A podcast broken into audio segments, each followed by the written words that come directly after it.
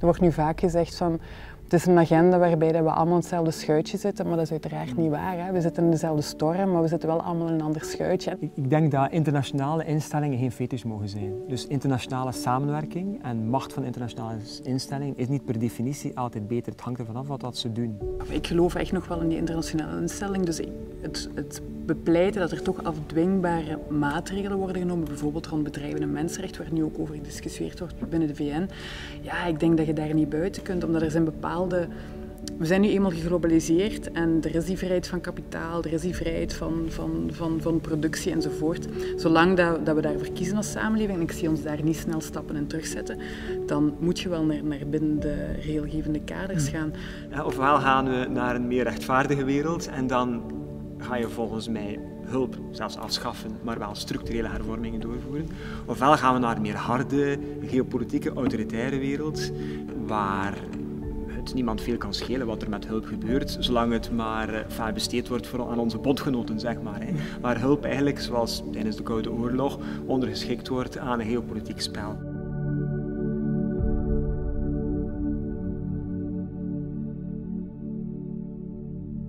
Goedemiddag, Els Hertogen en Jan Orbi en iedereen die dit gesprek volgt.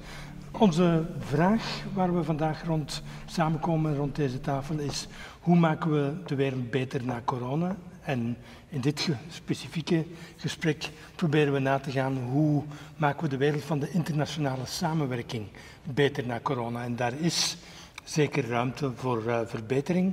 Uh, en nogal wat mensen hopen ook dat de wereld minder ongelijk zal zijn misschien, of dat, uh, dat de internationale verhoudingen, die toch grotendeels gebetoneerd geweest zijn na Wereldoorlog 2 en een beetje geëvolueerd zijn, eigenlijk de afgelopen tien jaar misschien heel erg in evolutie geraakt waren, dat er nu een stroomversnelling ten goede zou komen. Langs de andere kant zijn er niet weinig mensen die vrezen dat, uh, dat de crisis die komt na de besmetting, dat die gaat zorgen dat de ongelijkheid nog groter wordt. Daarover en over veel meer gaan we het, uh, gaan we het even hebben, maar misschien als eerste vraag even, wat is jullie inschatting? Uh, verdwijnen de termen Eerste Wereld en Derde Wereld na deze crisis, nu we gezien hebben dat sommige landen in Azië en zelfs in Afrika veel beter gereageerd hebben op de coronacrisis dan het Verenigd Koninkrijk, Verenigde Staten, maar ook België en Nederland en blijkt nu ook Zweden. Dus Eerste Wereld faalt in de aanpak. In de derde wereld zijn er heel wat successen. Is dat een omkering van de oude machtsverhoudingen, het begin van de nieuwe wereld, of is het een optische illusie? Els. Ik, uh, ik denk dat dat te kort de bocht is. Ik denk zeker niet dat de Eerste Wereld en Derde Wereld misschien op die manier nog bekeken worden. Het zal ook niet zomaar verdwijnen. Wat ik heel opvallend vond, was dat zowel in de Eerste als de Derde Wereld, ik gebruik het nu nog even, maar dat is eigenlijk een terminologie die ik, uh, die ik al lang niet meer gebruik, dat daar op heel verschillende manieren mee om is gegaan. Hè. Bijvoorbeeld als je kijkt naar het voorbeeld van Nieuw-Zeeland, dat was dan wel heel sterk. En waarom was dat ook sterk? Omdat zij wel gekeken hebben naar die buurlanden, die andere Aziatische landen, en daar wel van geleerd hebben. Als je dan nog een vergelijking maakt tussen Europa Europa en de Verenigde Staten is dat ook weer van een heel andere orde. En net zoals als je vergelijk maakt tussen Brazilië of hoe Ecuador ermee is omgegaan of het Filipijnen, is ook zeer verschillend. Dus ik, ik, ik ga niet zo mee in de analyse van het is eerste wereld versus derde wereld. Ik denk wat, wat wel heel duidelijk is, dat er op heel verschillende manieren gezocht is naar antwoorden op die COVID-crisis en dat als ik nu even naar Europa mag kijken, dat Europa daar ook wel voor uitdagingen is komen te staan en een aantal zaken bevestigd zijn over de positie die ze in de wereld innemen, zowel wat betreft een morele plaats, maar ook uh, waar ze staan op vlak van ontwikkeling. Er zijn mensen, om toch nog even bij de veralgemeningen te blijven, die, die zeggen een van de grote problemen voor Europa en de Verenigde Staten was eigenlijk een soort eurocentrische houding. Het, het feit van, of de idee van wij moeten in de gaten houden wat landen als Zuid-Korea of Taiwan of uh, andere landen in Azië doen en daaruit leren, dat is bijna onvoorstelbaar. We, we opereren toch nog heel sterk vanuit het idee wij zijn de voortrekkers, wij zijn degene die het weten. Jan. Ja, wel, eh, ik sluit mij daarbij aan. Um, je, je, ziet dat, uiteraard, dat onderscheid eerste, derde wereld was al aan het uh, vervagen. En je ziet dat deze crisis een aantal trends versterkt. Hè, een aantal trends uh, uh, versterkt. En um, ook het, de kritiek op het eurocentrisme, het falen van het westerse model, dat zien we nu toch een beetje, ondanks de diversiteit hè, waar je het over hebt. Um, het is mij toch ook opgevallen dat hoe dat we naar China keken in januari, dat was zo toch een klein beetje van, en mocht je nu de media analyseren, ja, die, die rare Chinezen en ook wel weer typisch die totalitaire staat die meteen uh, lockdown en heel uh, uh, repressief alles aanpakt. en dat we te weinig gekeken hebben naar het virus zelf en de, de, de, de, de mogelijke consequenties van het virus dat geen onderscheid maakt naar land, cultuur of ras. En wat we daarna gezien hebben is ja, Somalië die komt helpen in Italië. Uh, China dat komt helpen, de mondmaskerdiplomatie. Ik heb het zelf ook mogen ervaren. Mijn Chinese collega's, met wie ik heel goed samenwerk, die sturen plots een heel pakket uh, mondmaskers naar de universiteit. En daar moet dan ook een foto bij. en dat moet dan ook via de rector passeren, die dan een bedankingsbrief moet schrijven. Dus plots ervaar je wat het is om aan de ontvangende zijde van ontwikkelingshulp mm. te zijn. En um, plots ervaar je ook ja, de subtiele macht die daar toch achter gaat van iets te krijgen en dank moeten zeggen en, en eigenlijk moeten ja, dankbaar zijn en, en, en de, de, de mentale shift die dat toch een beetje teweeg brengt. Dus ik denk dat we veel van dat soort ja, gevallen zien waarbij je ziet dat er toch scheurtjes komen in die morele superioriteit van het Westen, alhoewel dat inderdaad er een grote diversiteit geweest is binnen Europa, alhoewel ik denk dat we kunnen zeggen dat Europa gefaald heeft, dat wij ook als België gefaald hebben op veel, uh, op veel vlakken. Uh, maar ook in het zuiden. Ja. ja. we gaan het wat ruimer trekken ja. zo dadelijk uh, om het over internationale samenwerking te hebben, maar omdat je nu over hulp begint en, en de hele machtsrelatie die daar rond ontstaat, is Denk jij als dat die ervaring die, zich nu in Europa zelf voordoet, uh, die natuurlijk maar op beperkte mate, of in beperkte mate zich voorgedaan heeft. Maar goed, ze, ze, doet zich voor, mensen beseffen dat. Gaat dat de houding van Europese beleidsmakers ten opzichte van hulp en samenwerking ten goede veranderen, denk je? Ik hoop het. Ik weet niet of het gaat gebeuren, maar ik denk als er... Uh ooit hefbomen waren om, om dat paradigma toch wel wat te verschuiven dat het, dat het nu is. Ik zie dat zeker ook in de samenwerking die wij hebben met onze eigen partnerorganisaties op het terrein. Um, maar ik ga er ook wel vanuit dat, dat, dat deze gedeelde agenda die er is, het feit dat we inderdaad allemaal uh, samen dat coronavirus moeten aanpakken en dat je daarbij inderdaad wel nu die, die les moet durven leren van we hebben te lang gewacht om te luisteren en te kijken wat er elders um, gebeurt. Maar ook nu wel zien, hè, nu de golf bij ons van voorbij is, ja, is nu volle bak in Latijns-Amerika bezig. In Afrika is nog een groot vraagteken wat er daar gaat gebeuren. Dat we daar toch wel um, kunnen meenemen wat de eigen ervaring was van het komt zo dichtbij en de impact die het heeft op, op uw eigen leven en op uw kinderen. Dat we, dat we dat wel kunnen meegeven. Wat voor mij daar de grote uitdaging is, is er wordt nu vaak gezegd van is een agenda waarbij we allemaal in hetzelfde schuitje zitten, maar dat is uiteraard niet waar. Hè. We zitten in dezelfde storm, maar we zitten wel allemaal in een ander schuitje. En dus wat voor mij daar de grote uitdaging is, is niet enkel nu op die symptomen werken en kijken hoe dat die verschillende schuitjes, ja, ervoor zorgen dat die niet omkieperen, maar vooral die analyse vasthouden en durven zeggen, het zijn allemaal verschillende schuitjes. En hoe zouden we ervoor dat bij de volgende crisis ja, er veel meer veerkracht en buffers is uh, voor, voor iedereen wereldwijd eigenlijk. Dus ik hoop het, maar of het gaat gebeuren, dat is, dat is voor mij echt afwachten. En daar is zowel academische wereld, middenveld, maar ook politiek wel, wel cruciaal in om, om die lessen te durven trekken. Een andere opvallende vaststelling voor mij in, in de begindagen, zeker de eerste maand, laten we zeggen, van, van de crisis, februari, maart, uh, was dat, dat heel snel duidelijk werd dat er geen grenzen waren aan deze besmetting. En wat zie je dan gebeuren? Heel snel de roep om grenzen om de grenzen dicht te doen, uh, de, het beklemtonen van nationale soevereiniteit en hoe belangrijk die wel, wel niet is, het uitspelen tegen elkaar, zelfs binnen de Europese Unie. Uh, leren wij de foute dingen uit dit soort crisissen? Of, uh, of kan het ons toch helpen om anders en beter om te gaan met zowel soevereiniteit als mondiale verbondenheid? Iemand een goed idee daarover? Jan? Wel, Um, het is complex, want grenzen hoeven niet verkeerd te zijn. Mm. Dus dat terugplooien op nationale grenzen, eigenlijk in het hoopvolle scenario ook, mm. waar de AZ het over had, soms kan dat wel goed zijn. Als het bijvoorbeeld gaat over uh, handelsrelaties, over financiële stromen, uh, dan zou het niet slecht zijn als nationale overheden, lokale overheden, regionale, wat meer macht naar zich toe zouden. Dus daar hoeft er misschien niet zoveel internationale multilaterale samenwerking te zijn. En het is interessant om te zien, het is eigenlijk een mega-experiment dat we meemaken, hoe dat overheden toch nog wel wat greep uh, kunnen krijgen op de economie en op de samenleving. De grote vraag is, welke richting gaat die greep uit? Hè? Dus je hebt het hoopvolle scenario van een meer rechtvaardige wereld, waarover Els het had. En dan heb je denk ik het, uh, het doemscenario van een meer, ja, ik zou het een meer geopolitieke wereld noemen en ook een meer autoritaire wereld. En dat is dan de wereld waar met name Poetin of, uh, of Xi of Orbán uh, van profiteren om, om het, het, virus, eigenlijk de bedreiging te gebruiken om hun eigen macht te consolideren. -hmm.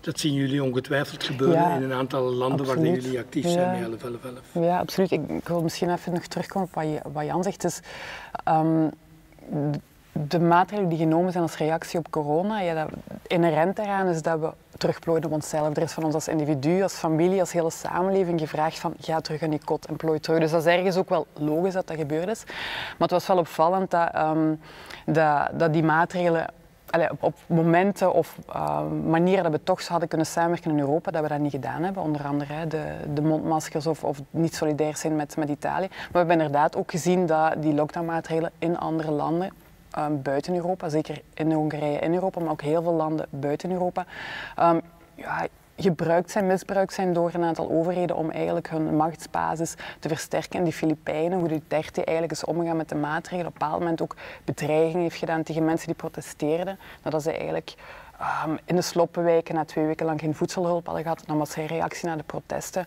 Oké, we gaan jullie wel, we vinden jullie wel. Um, en dus er is nu een heel grote angst um, dat de bepaalde maatregelen, zowel wat betreft privacy, maar ook decreten die zijn uitgevaardigd, dat die... Uh, dat die langdurig zouden gehanteerd kunnen worden. En dat is wel dat is een, een, een, een, negatief beeld. Maar positief hebben we ook wel gezien dat er wel gekozen is voor samenwerking en solidariteit. Um, de VN die heel snel heeft opgeroepen voor humanitaire hulp. Zonder Wereldgezondheidsorganisatie vraag ik mij af, met alle kritiek die daarop te geven is, vraag ik mij in godsnaam af hoe dat we dat gemanaged zouden hebben. In België heel kleine stap, maar er zijn wel 18 niet begeleide minderjarigen van de Griekse eilanden er hier gehaald absoluut onvoldoende. Maar ik heb wel uh, een aantal um, ja, positieve, hoopvolle tekenen um, wel gezien. Dus... Die solidariteit waar je naar verwijst, is dat meer dan op het buurtniveau? We hebben dat heel veel plaatsen gezien. Het is heel erg gewaardeerd. Het was ook heel reëel en waardevol. Maar als vrijwilligersorganisatie stel ik me voor dat je dat moet proberen op te tillen vast te houden en uit te bouwen als een politieke kracht. En dat lijkt mij allesbehalve vanzelfsprekend. Absoluut. Ik, ik, denk wat we heel erg gevoeld hebben is um, aan de vragen die vrijwilligers ons gesteld hebben of de, de, reacties die we kregen op momenten dat we toch hebben kunnen communiceren in de media. Want het was ook niet evident om het verhaal van internationale solidariteit verteld te krijgen, dat er heel veel vraag naar was. Wat de grote uitdaging is, momenteel, maar ook voor de komende maanden, is net op het moment dat we eigenlijk niet fysiek kunnen samenkomen. want dat is een heel grote kracht van wat maakt dat, je, dat vrijwilligers geëngageerd zijn? Dat is het verenigen van vrijwilligers. En op een bepaald moment een perspectief kunnen bieden van ah, nu kunnen op straat komen of andere manieren dat je stem kunt uiten. Dat is op dit moment de grote uitdaging van hoe die verontwaardiging enerzijds, maar ook die, die actiebereidheid om te zetten naar, naar ja, fysiek engagement. Dat is de grote uitdaging. En daar zijn wij nu wel zoekende. Hè. Hoe kunnen we dat ook online doen? Door alleszins al debatten, um, van die webinars online mogelijk te maken. Maar we zijn nu ook echt aan het zoeken hoe, dat, hoe dat we slagkracht online kunnen opbouwen. Maar dat is altijd minder krachtig dan, uh, dan mensen fysiek bijeen kunnen brengen. Dus dat is een grote uitdaging. Maar ja, dat is waar we voor staan en waar we volle bak uh, voor zullen gaan. Hè. Jan, uh, Els verwees daar juist ook naar, uh, naar de Wereldgezondheidsorganisatie. Uh, de vraag van wat zouden we gedaan hebben zonder. De kans lijkt reëel dat we de volgende crisis zonder Wereldgezondheidsorganisatie in moeten. Of in elk geval moet de Wereldgezondheidsorganisatie een heel groot pak geld elders gaan zoeken. Want Trump heeft de kraan dichtgedraaid. Uh, na eerst een paar maanden dreigen uh, heeft hij gezegd, ik kap ermee. Uh, het is de moeite niet om daar geld in te steken. Kan de wereld een crisis aan die mondiaal is zonder multilaterale instellingen zonder instellingen zoals de Wereldgezondheidsorganisatie. Wel, ik denk dat een aantal multilaterale instellingen misschien minder nodig zijn, zoals IMF, WTO uh, en zo. En een aantal andere zijn natuurlijk meer belangrijk. Ik denk dat, dat een wereldgezondheidsorganisatie absoluut belangrijk is.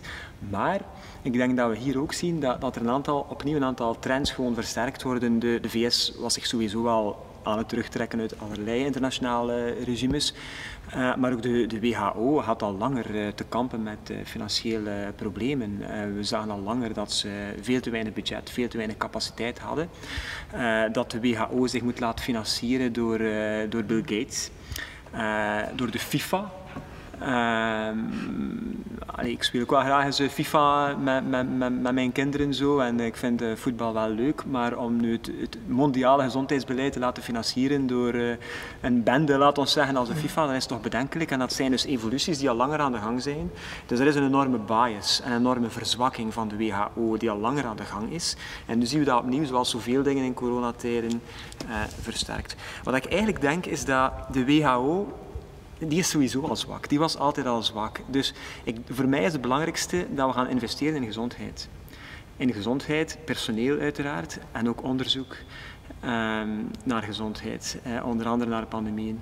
Uh, en als ieder land dat doet, of in Europa, eventueel op regionaal niveau, dan is de, de meerkost om internationaal te coördineren, en de WHO doet niet veel meer dan dat. De WHO is klein, doet niet veel meer dan wat coördineren, wat faciliteren. Die meerkost is dan eigenlijk niet zo hoog. Dus voor mij is de, de grote vraag niet van hebben we WHO nodig of niet, maar is dat hoeveel gaan we investeren in gezondheid en hoe fel gaan we daarop inzetten. En, en als we dat allemaal doen, eh, zelfs zonder de VS, dan, dan is het opnieuw maar een kleine meerkost om dat ook wat te gaan beter coördineren en op elkaar afstemmen. Maar zeg je dan, we kunnen zonder? Radicaal doorgetrokken zou dat betekenen dat we zonder kunnen, maar uh, dat betekent gewoon dat we wel intensief gaan coördineren op een andere manier. Sowieso gaan onderzoekers uh, volop coördineren nu rond uh, corona. Nu wel, zij... maar niet, ja. niet sowieso. De, ja. Er is ook academisch en ook zeker binnen, binnen de farmawereld een enorme concurrentie. Absoluut. Uh, en, en, en daar zitten grote problemen. Bijvoorbeeld patenten. Alles wat met patenten te maken heeft, met intellectuele eigendomsrechten op vaccins, maar ook alles wat met transparantie te maken heeft, daar heeft de WHO nu eigenlijk ook geen macht over. Hè. Dus het TRIPS-akkoord, intellectuele eigendom, zit in, zit in de WTO. Hè. Um, of universele, het universele recht op uh, gezondheid, op basisgezondheid, is iets wat je in VN-verdragen kunt uh, verankeren. En daar heeft de WHO ook niets over te zeggen. Dus mijn punt is eerder, de WHO was nooit zeer sterk. Dus we moeten daar hè, nu ook niet het, het ja, verzwakken van de WHO en de gevolgen daarvan, nu ook niet gaan uh, overdrijven. De, de... En, en doe, je, doe je niet aan een soort cherrypicking in, in, je, in je visie, in de zin dat je zegt uh, gezondheid is heel belangrijk en dat, iedereen is daar nu vandaag zeker van overtuigd. Uh, en dus daar moeten we in investeren. De WTO, de, de Wereldhandelsorganisatie, daarvan zeg je die mag van mij wat kleiner of verdwijnen.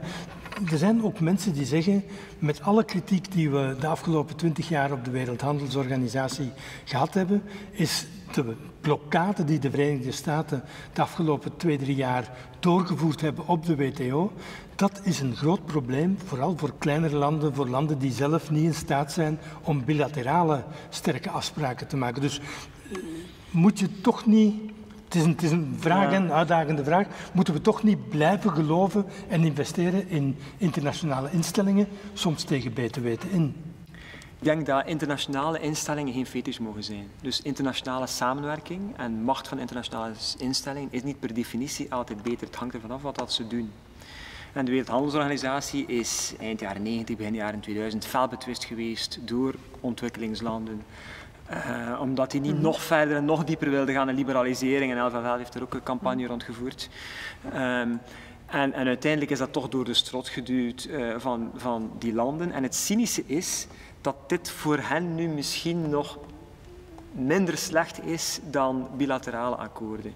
Maar dat kan volgens mij geen reden zijn om nu plots uh, te gaan pleiten voor een Wereldhandelsorganisatie. Um, want uh, ik denk dat je een onderscheid moet maken tussen die organisaties die, die, uh, die, die regels maken, um, waarbij dat de winst van de een te kosten gaat van de andere, versus internationale organisaties die regels maken waarbij dat je de winst van de een ook de winst van de ander is. En op het vlak van gezondheid zou dat wel zo zijn. Op het vlak van handel is dat helemaal niet zo. In, in handel heb je heel veel ongelijkheid die gepaard gaat met, met vrijhandel. Els, kan jij je een wereld voorstellen zonder die internationale organisaties waar rond en waarbinnen vormen van internationale samenwerking de afgelopen decennia geprobeerd zijn vorm gekregen hebben. Met horten en stoten en vallen en opstaan. Maar misschien moeten we het hele spel herdenken en andere vormen vinden, mhm. zegt Jan voor een deel. Hè? Maar ik volg daar voor een stuk al. Wat ik, wat ik me niet kan inbeelden is een wereld zonder ehm, een coördinerende opdracht die wordt opgenomen. Want dat hoor ik u ook wel zeggen. Hè. Dus op het internationaal niveau, maar inderdaad het idee van je zou bijvoorbeeld meer naar regionale entiteiten kunnen gaan, maar dan nog blijft daar de vraag, oké, hoe zorg je ervoor dat die niet volledig parallel, maar dat er coördinatie is, of veel meer inzetten op coalitions of the willing, vind ik op zich wel interessant. Maar ik ben minder geneigd om, om zomaar te zeggen van oké, we gaan niet meer op dat internationaal niveau instelling hebben, net omdat um, voor mij de grote verliezen daarvan zouden zijn die minder machtige landen, die minder economisch, militair machtige landen, ja, die, die er dan uit zouden vallen. Maar dat wil wel zeggen, als je die een plaats wil blijven geven, dan moet je wel werken en, en welke machtsposities dat zij krijgen in internationale instellingen. En van daaruit vind ik op zich de WTO nog wel interessant. Dat is onder andere door China en India, die veel sterker zijn geworden, die op een bepaald moment daar ook wel wat veel meer zeggenschap um, geclaimd hebben, waardoor dat de WTO nu ook staat met alle voor- en nadelen waar dat ze nu staat. Dus ik, ik kan mij moeilijker wereld inbeelden waar dat je volledig zegt, geen internationale instelling meer. Dat er uitdagingen zijn, uiteraard. En wij zullen die altijd benaderen van welke stem krijgen ontwikkelingslanden erin. En, ja. en dat is natuurlijk een van de grote vragen. Als je nieuwe vormen zoekt, uh, op welke manier kan je dan zorgen dat de machtsverschillen die er zijn, dat die uitgevlakt worden ten voordele van diegenen die minder macht hebben, in plaats van dat die versterken de ongelijkheid die er al is, uh, lijkt mij een, een opdracht die niet zo makkelijk is als je niet op dat in die instellingen denkt zoals we ze nu kennen. En, en, en zo zie je dat veel dingen meer geopolitiek worden. En dat is ergens ook wel een beetje mijn vrees. Dus enerzijds de hoop naar een meer rechtvaardige orde, anderzijds de vrees naar meer geopolitiek. En dat is ook voor een deel wat bij de WHO nu uh, fout loopt, denk ik. Als ik uh, mij niet vergis, was uh, de verkiezing van de, van de directeur uh, een paar jaar geleden al een, een heel geopolitiek spel. Hè, met uh, China en veel landen uit het zuiden versus landen uit het noorden. de, de, de, erkenning of de mogelijke toetreding van Taiwan speelt ook een rol in de, de, de, discussies tussen de VS en China over de WHO. Dus het is allemaal zeer politiek geworden, geopolitiek geworden, ook in die instellingen. Maar op zich, dat het politiek is, is niet erg. Ik heb soms gevoel, want ik denk dat de grote um, uitdaging voor mij is, of waar dat deze crisis mogelijk zijn hefboom is, we hebben heel veel globale problemen um, technisch zitten benaderen de afgelopen jaren. En terwijl het heel politiek is, zoals Jan zegt, ja, je moet ervoor kiezen als internationale gemeenschap om te, om te investeren in gezondheid. Zo. En zo zijn er nog keuzes te maken. Dus dat het politiek is en dat daar dat debat plaatsvindt, ja, goed, dat is goed. Maar dan zit je inderdaad met de uitdaging, zoals je het zojuist stelde. Hoe zorg je ervoor dat daar uh, die landen die minder macht hebben, hoe kunnen zij wel een machtsbasis verhogen? En ik denk dat zij moeten kijken hoe dat zij veel meer coalities kunnen vormen en, en wat sterker staan. Dus ik, ik ben, geopolitiek is ook niet altijd je, vies. Je, ja. Voilà. Maar je, je, bedoelt daarmee niet, als, als je zegt van uh, moet, misschien moeten zij zelf zoeken hoe ze hun macht kunnen opbouwen, dat kan heel erg klinken als dat ze hun plan trekken. Nee, dat bedoel ik niet. Nee, ik blijf wel, maar dat is dan mijn, of mijn hoopvol scenario. Ja, sorry, er zijn bepaalde problemen die ook enkel maar in dialoog of in samenwerking gaan opgelost kunnen worden. Ik denk dat, je zou bijvoorbeeld nog kunnen zeggen om de klimaatproblematiek aan te pakken. Oké, internationaal met alle landen zetten we ons achter in doelstelling en dan gaat iedereen regionaal aan de slag van hoe dat ze dat nu gaan waarmaken. En we komen niet meer elk jaar met 196 landen bijeen op een kop. Allee, ja. Maar dat is, dus de vormen, oké, laat, ons daarin, laat ons daarin out of the box denken. Maar... Over de box gesproken, de, de box waar, waarin de wereld de afgelopen jaren gespeeld heeft of gezocht heeft naar hoe gaan we als wereld mondiaal vooruit, zijn de, de duurzame ontwikkelingsdoelstellingen, de SDG's, die in 2015 afgekondigd zijn en die door sommigen destijds beschreven werden als het eerste mondiale regeerakkoord. Het is, het is niet afdwingbaar, maar het geeft een richting van sociaal-ecologisch duurzaam bestuur waar iedereen zich toe engageert. En het is universeel, dus het maakt meteen ook landen in het, in het noorden tot gelijke participant. Eh, het is niet alleen dat zij moeten toezien dat die uit het zuiden het goed doen.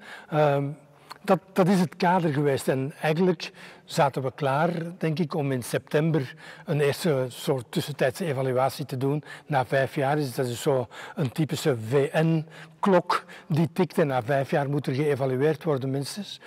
Overleven de SDG's deze crisis, is mijn vraag.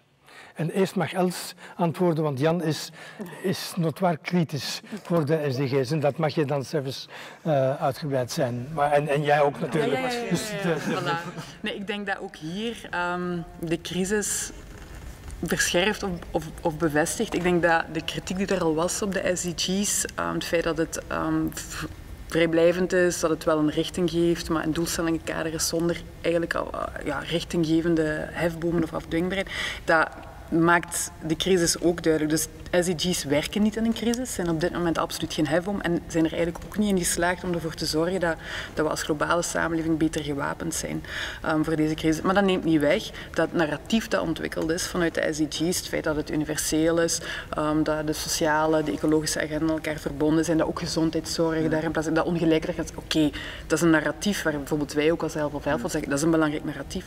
Maar wij zijn er ook altijd wel kritisch naar geweest vanuit waar zit die hefboom? En bijvoorbeeld wat ik heel erg mis bij de SDG's en wat voor mij COVID heel erg duidelijk maakt, is het mensenrechtenkader is op dat vlak veel um, crucialer als hefboom, zowel in crisissituatie, maar ook in de meer rustige periodes, omdat en dan gaat het voor mij zowel over die politieke rechten als die socio-economische rechten. Die, die tweede categorie wordt soms wel vergeten als we het hebben over rechten.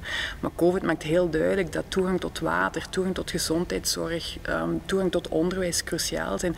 En als je spreekt over een recht, dat gaat over nu, hè, dat gaat over vandaag. Je gaat niet tegen iemand zeggen die honger heeft of die geen toegang heeft tot water. Ja, maar we zitten in een tijdspad voor 2030 en we gaan daar stapsgewijs naartoe werken. Dus het spreken over een mensenrechtenkader is universeel, maar tegelijkertijd ook heel um, dwingend. En, en dat is hetgeen wat ik mis het SDG-kader. Dus ik, ik weet niet of het het einde is van het SDG-kader. Ik denk dat het, het is er. Maar het maakt wel heel duidelijk dat je, als je echt die politieke veranderingen wilt en, en die keuzes die je maakt, neem bijvoorbeeld op vlak van gezondheidszorg, wilt kunnen waarmaken, dan moet je andere kaders hanteren waar. En, en dat mensenrechtenkader is waarschijnlijk inderdaad een, een, heel goede uitdaging aan het, uh, aan het wat vage en alomvattende kader van de SDG's. Maar die mensenrechten bestaan ook al meer dan 70 ja. jaar als dwingend ja. uh, kader van nu, niet ja. over 20 jaar. Maar er zijn niet zo heel veel vooruit gegaan. Nee, dat dus klopt. helpt dat kader dan? Ja, ik denk, het is niet zo dat we niet zo heel veel vooruit zijn gegaan. Ik denk dat er wel vooruitgang geboekt is, maar het is natuurlijk schrijnend dat we nog altijd met zoveel mensen zitten die in armoede leven en dat die ongelijkheid er is en geen toegang tot water hebben. Maar toch ben ik ervan overtuigd dat dat op dit moment het best mogelijke kader is dat we hebben en dat we dat op dit moment onvoldoende, misschien ook vanuit het middenveld. Hè. Dus we laten zo vaak over aan, aan de mensenrechtenactivisten um, die dan heel sterk focussen op recht op vrije meningsuiting. Maar bijvoorbeeld, ik denk dat dat ook voor ons middenveld terug belangrijk is om dat kader ter harte te nemen, um, te gaan vertalen, maar ook die afdwingbaarheid daarvan te gaan opzoeken. En, um, Jan? Ja. ja, wel, ik ga misschien beginnen met iets positiefs te zeggen. ik, ik, denk dat je uh, het, de VN uh, en de SDG's niet kwalijk kan nemen dat ze deze crisis niet kunnen aanpakken. Hè? Dus daar is het niet voor bedoeld. Die zijn niet bedoeld als een crisisinstrument. Um, wat mij niet zou verwonderen dat we in september al zo nadenken over vijf jaar SDG's. Hè? Hoe ver staan we dat uh, deze crisis aangegrepen wordt om ja, misschien toch een beetje als gemakkelijk excuus om geringe vooruitgang te legitimeren. Um, nu, wat, wat, is het probleem met SDG's? Dat is dat ze voorgesteld worden als iets nieuws, een nieuw paradigma, onder andere universeel, zoals je zegt. Maar dat klopt eigenlijk niet helemaal. Er zijn natuurlijk wel andere dingen. Het is niet helemaal hetzelfde als wat we vroeger hadden. Maar zoals Els zei, het mensenrechtenkader bestaat al langer. Het VN-verdrag over culturele, economische en sociale rechten dateert van 1966, denk ik.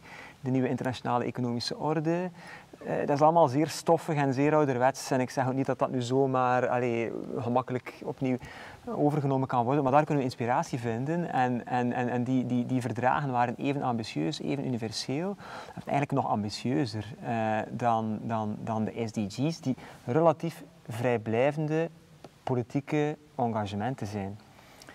En maar de eerste keer dat op VN-schaal zo duidelijk de link tussen politieke, enfin, misschien niet zozeer politieke, maar sociale en ecologische doelstellingen gelegd wordt. Uh, het is eigenlijk bouwen op de, de conferentie van Rio van 1992. Dus dat heeft allemaal zijn tijd nodig. Zijn we, zijn we misschien te ongeduldig? Maar waarschijnlijk wel. Ik bedoel, op lange termijn zijn we altijd hoopvol natuurlijk. Maar um, het probleem is, als je het gaat voorstellen als een uh, grote wijziging, een paradigmaverandering en het nieuwe kader, dat je heel veel dingen niet meer ziet. Um, eigenlijk vinden de SDG's toch wel een beetje het warm water opnieuw uit. Mm -hmm. um, en we zijn er zeer goed in in de ontwikkelingsindustrie om altijd nieuwe termen en nieuwe perspectieven uh, te formuleren.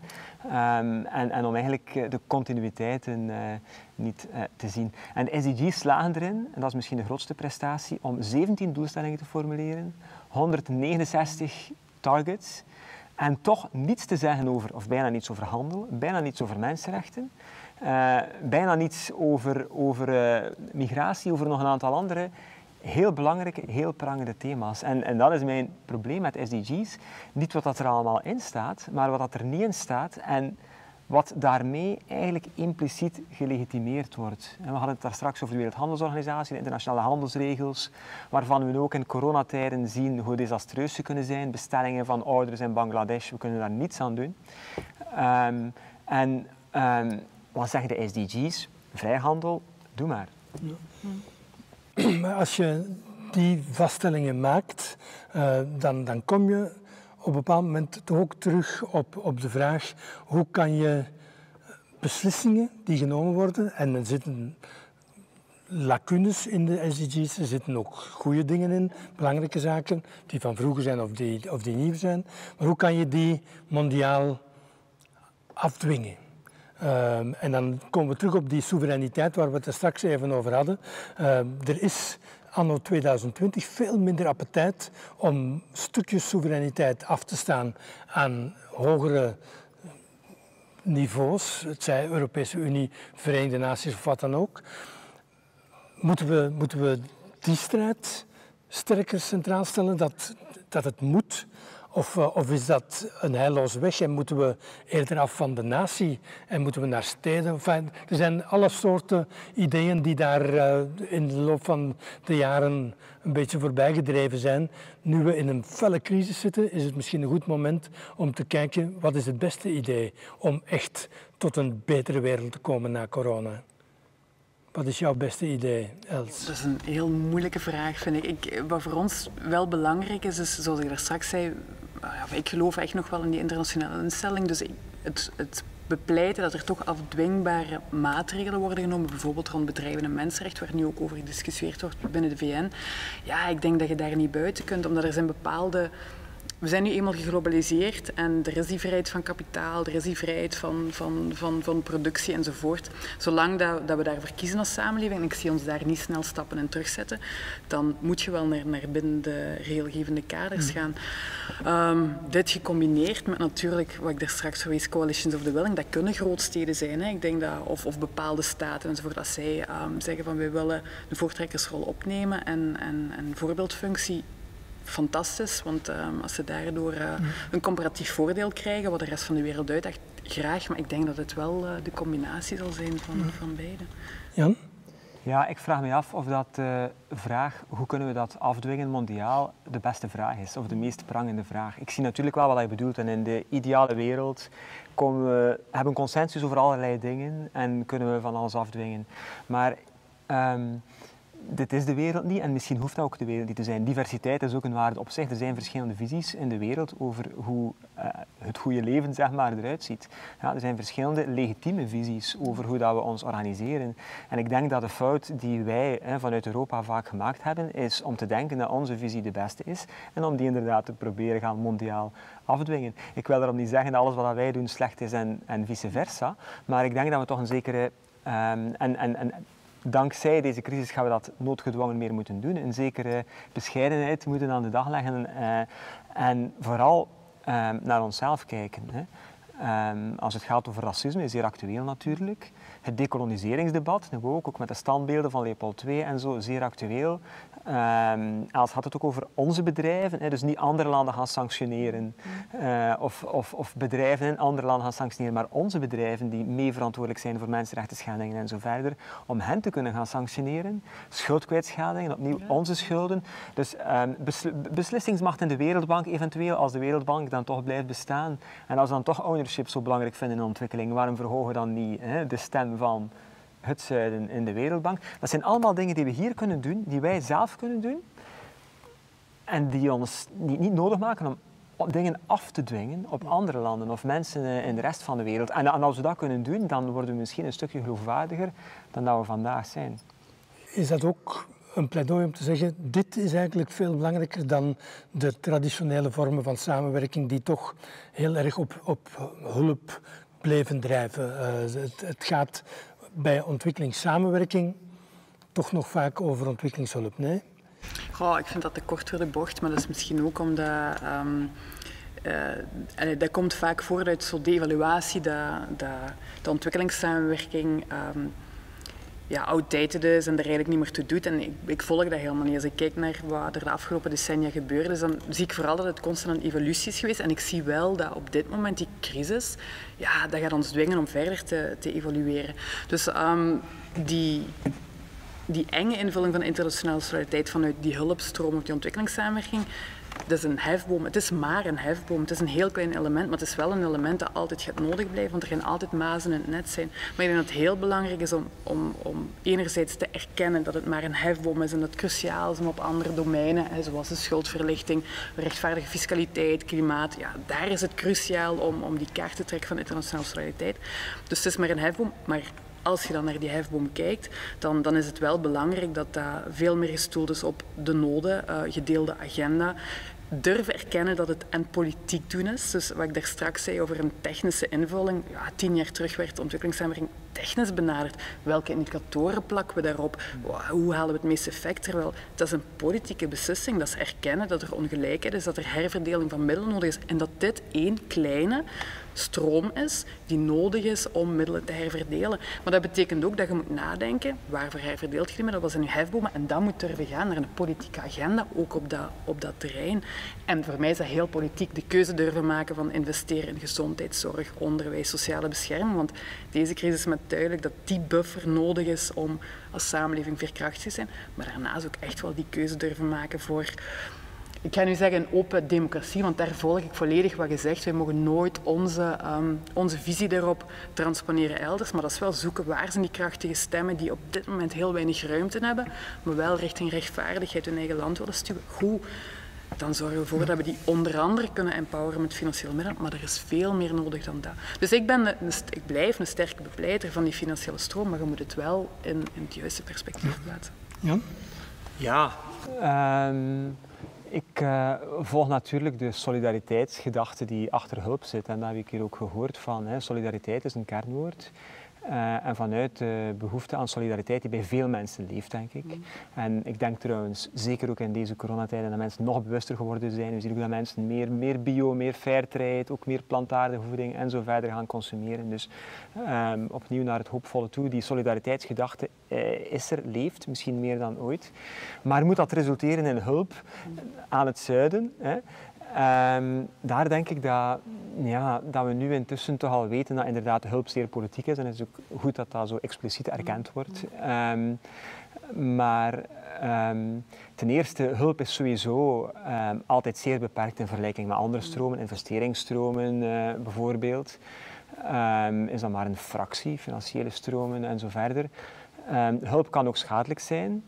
En hulp is sowieso een interventie in een derde land. En we weten ook al teruggaand naar koloniale tijden dat goed bedoeld zijn niet voldoende is als garantie, omdat het resultaat ook uh, goed zou zijn. Maar, maar het tegenovergestelde is dan de schrik om op foute manier tussen te komen. Ja. Kan ook een argument worden om gewoon te blijven zitten en niks te doen en, en de mensen aan hun lot over te laten of, of de wereld te laten draaien en te zeggen, uh, trekt uw plan. Maar dat gaat terug tot uh, wat ik eerder zei over, ofwel gaan we naar een meer rechtvaardige wereld en dan ga je volgens mij hulp zelfs afschaffen, maar wel structurele hervormingen doorvoeren. Ofwel gaan we naar een meer harde, geopolitieke, autoritaire wereld Um, waar het niemand veel kan schelen wat er met hulp gebeurt, zolang het maar uh, besteed wordt voor, aan onze bondgenoten, zeg maar. Hè. Waar hulp eigenlijk, zoals tijdens de Koude Oorlog, ondergeschikt wordt aan een geopolitiek spel. Dus ja, je zit er natuurlijk met een op hulp heb je daar soms wel strange bedfellows, om het zo te zeggen. Dus je hebt andere mensen die kritiek geven op hulp, die, die je eigenlijk niet in jouw kamp wil. Maar dat kan geen reden zijn, vind ik, om kritisch te staan tegenover hulp. Ik denk dat het een zeer interessant experiment zou zijn om dus te zeggen, we gaan dus tien jaar geen hulp geven. En we gaan dat budget investeren in de versterking van de studiedienst van 11 of 11 of zo, of de lobbycapaciteit van een aantal organisaties. En veel meer inzetten op structurele hervormingen, campagnes. Uh, en uh, schuldkwijtschelding bijvoorbeeld. Um, herstelbetalingen is nog zo'n discussie. Um, teruggaan naar kolonialisme. Studies die, die, die de kosten van het kolonialisme, onder andere van België en Afrika, in kaart brengen. En wat gaan we daarmee doen? Hoe gaan we daarmee omgaan? Ik denk dat, dat we onze centen beter daaraan besteden.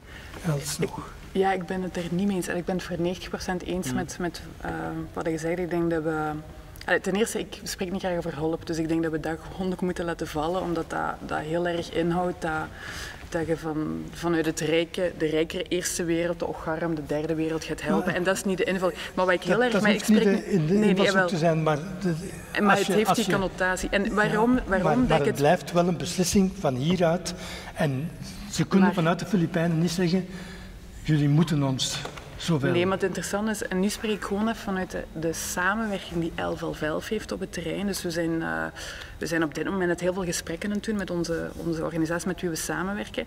En vanuit heel het vraagstuk was eigenlijk de best mogelijke manier om tot die rechtvaardige samenleving te komen. Mm -hmm.